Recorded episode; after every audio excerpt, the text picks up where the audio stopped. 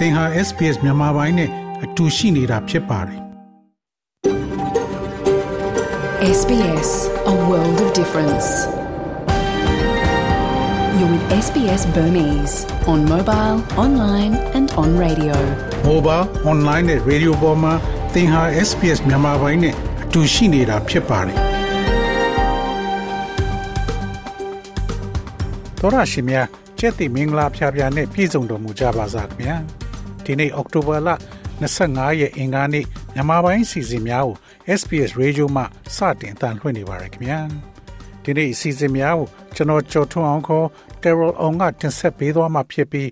ဒီနေ့ပါဝင်မဲ့ဆောင်းပါးကတော့တန်လွင်ခက်ကပေးပို့ထားတဲ့အာနာတီမြေရေးကြိုးပမ်းမှုကြားကစတဲ့ခံပြည်သူဘဝများဆိုတဲ့ဆောင်းပါးဖြစ်ပါတယ်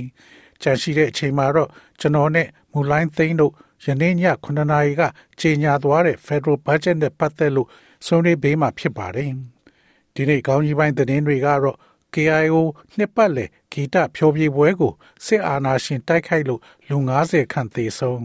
ဗြိတိန်ဝန်ကြီးချုပ်အသစ်ရွေးချယ် New South Wales နဲ့ Victoria တို့တွင် ရေလွှမ်းမှုမှုများ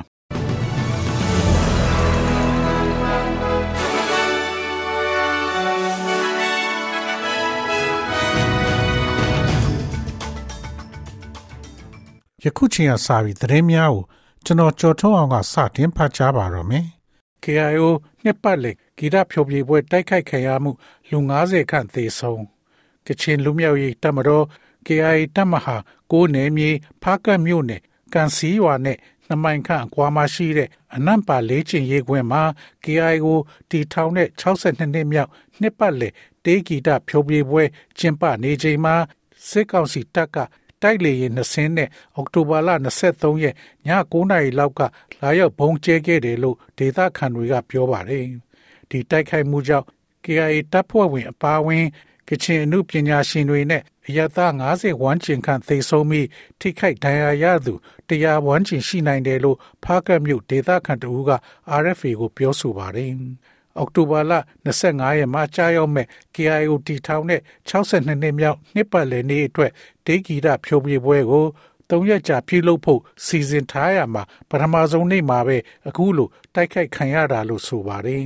အခမ်းအနားကိုကချင်အမှုပညာရှင်ကိုဦးခန့်တက်ရောက်ခဲ့ရမှာအဆိုတော်အော်ယာလီအမျိုးသမီးအဆိုတော်ရောလွင်နဲ့ဂီတပညာရှင်ကိုကင်းတို့သုံးဦးသေဆုံးခဲ့တယ်လို့ ကချင်အမှုပညာရှင်အဖွဲ့ချုပ်ဥက္ကဋ္ဌဟောင်းဝါရစ်သရုပ်ဆောင်ဇော်ဒိန်လည်းထိခိုက်ဒဏ်ရာရရှိခဲ့တယ်လို့လုံခြုံရေးရအမည်မဖော်လိုတဲ့ကချင်အမှုပညာရှင်တူက RFA ကိုပြောဆိုပါတယ်။ KIA သတင်းနဲ့ပြန်ကြားရေးတာဝန်ခံဗိုလ်မှူးကြီးနော်ဘူးကတော့ဒါဟာစစ်ကောင်စီကရည်ရွယ်ချက်ရှိရှိလှုံ့ဆော်ခဲ့တာလို့ပြောဆိုပါတယ်။ဘုံကျဲတိုက်ခိုက်မှုကြောင့် သေဆုံးထိခိုက်မှုတွေနဲ့ပတ်သက်လို့စီစစ်နေစေဖြစ်တာကြောင့်အရေးအတွက်တိတိကျကျကိုမပြောနိုင်သေးဘူးလို့ဗိုလ်မှူးကြီးနော်ဘူးကပြောဆိုပါတယ်။လက်ရှိမှာဘုံကျဲတိုက်ခိုက်ခံရတဲ့နေရာဘက်ကိုသွားတဲ့လမ်းကိုစစ်ကောက်စီတပ်ကပိတ်ထားတာကြောင့်ထိခိုက်ဒဏ်ရာရတဲ့သူတွေကိုသွားရောက်ကူညီကယ်ဆယ်ဖို့မရသေးဘူးလို့လုံခြုံရေးအရမင်းမဖော်လို့တဲ့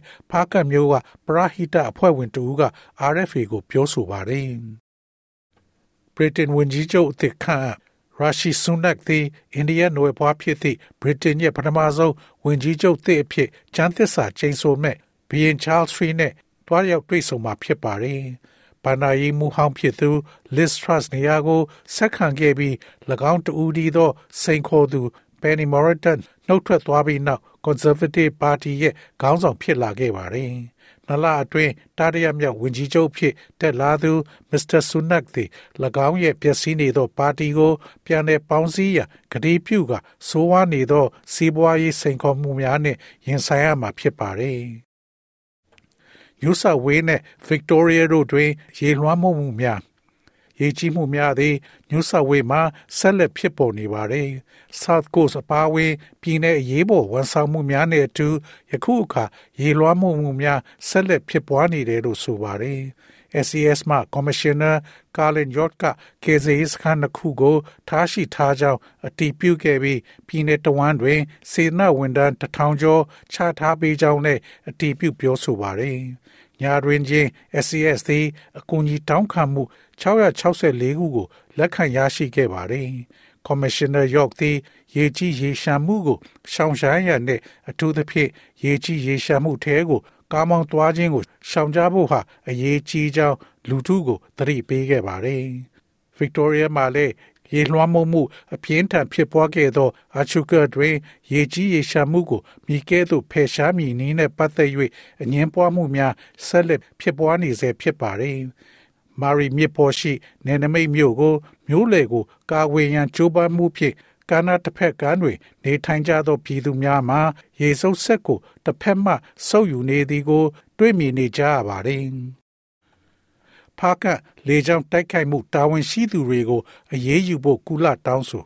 ကချင်ပြည်နယ်မှာမြန်မာစစ်အာဏာရှင်ကဘုံကျဲတိုက်ခိုက်ခဲ့တာနဲ့ပတ်သက်ပြီးလက်နက်မဲ့ရသားတွေအပေါ်မှာလုံခြုံရေးတပ်ဖွဲ့တွေကအချိုးမညီအင်အားအလွန်ကျွံသုံးဆွဲတိုက်ခိုက်ပုံရခဲ့တာကိုလက်မခံနိုင်ကြောင်းနဲ့တာဝန်ရှိသူတွေကတာဝန်ခံရမှာဖြစ်တယ်လို့မြန်မာနိုင်ငံမှာရှိတဲ့ကုလသမဂ္ဂရုံးကပြောဆိုလိုက်ပါတယ်။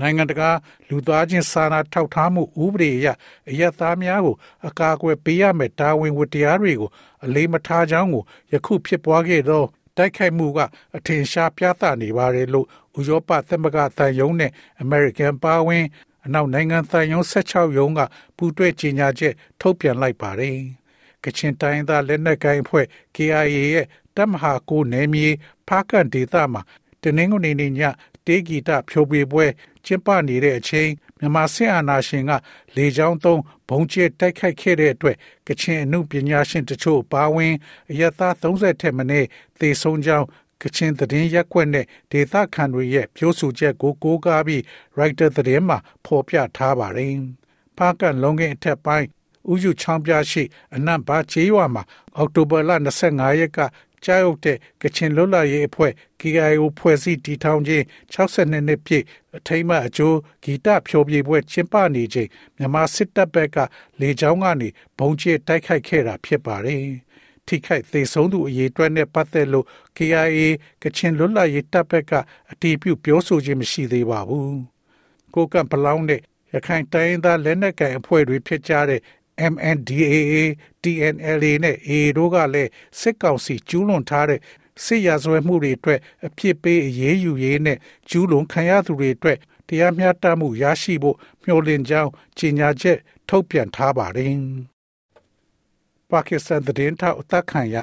ကင်ညာတွင် ပါကစ္စတန်မှသတင်းထောက်တူကိုရဲများကတပ်ဖြတ်ခဲ့ပါတယ်။အသက်50အရွယ်အာရှတ်ရှာရစ်ဖာ ကင်ညာရဲတွေကမြို့တော်နိုင်ရိုဘီအနီးက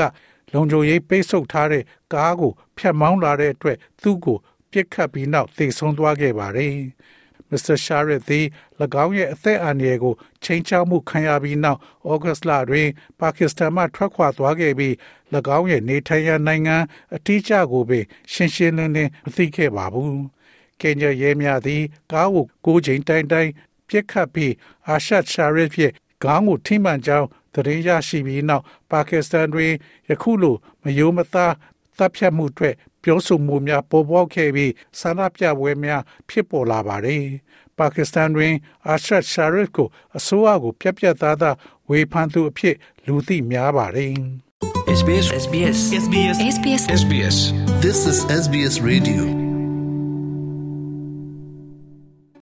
ငွေလဲနှုန်းမှာတော့ Australian dollar ကိုမြန်မာကျပ်ငွေ 1318ကျပ်ရရှိပြီး American dollar ကိုမြန်မာကျပ်ငွေ2083ကျပ်ရရှိပါတယ်။ Australian dollar ဟာ American 63စနစ်ညီမျှပါတယ်။မနေ့ဖြန်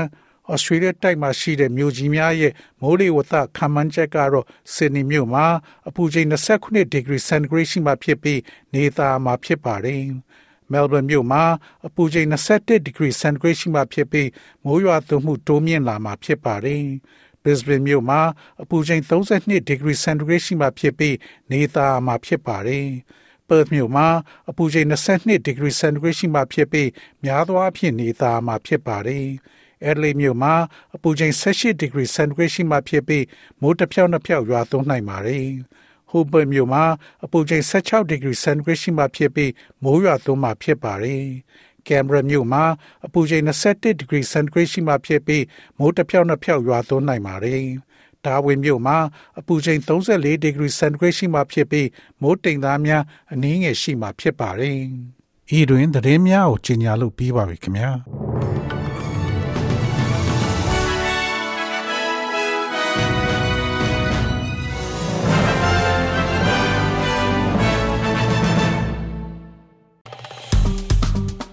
SPS မြန်မာပိုင်းကို Facebook ပေါ်မှာ like ရှာပြီး like မျှဝေမှတ်ချက်ပေးပါ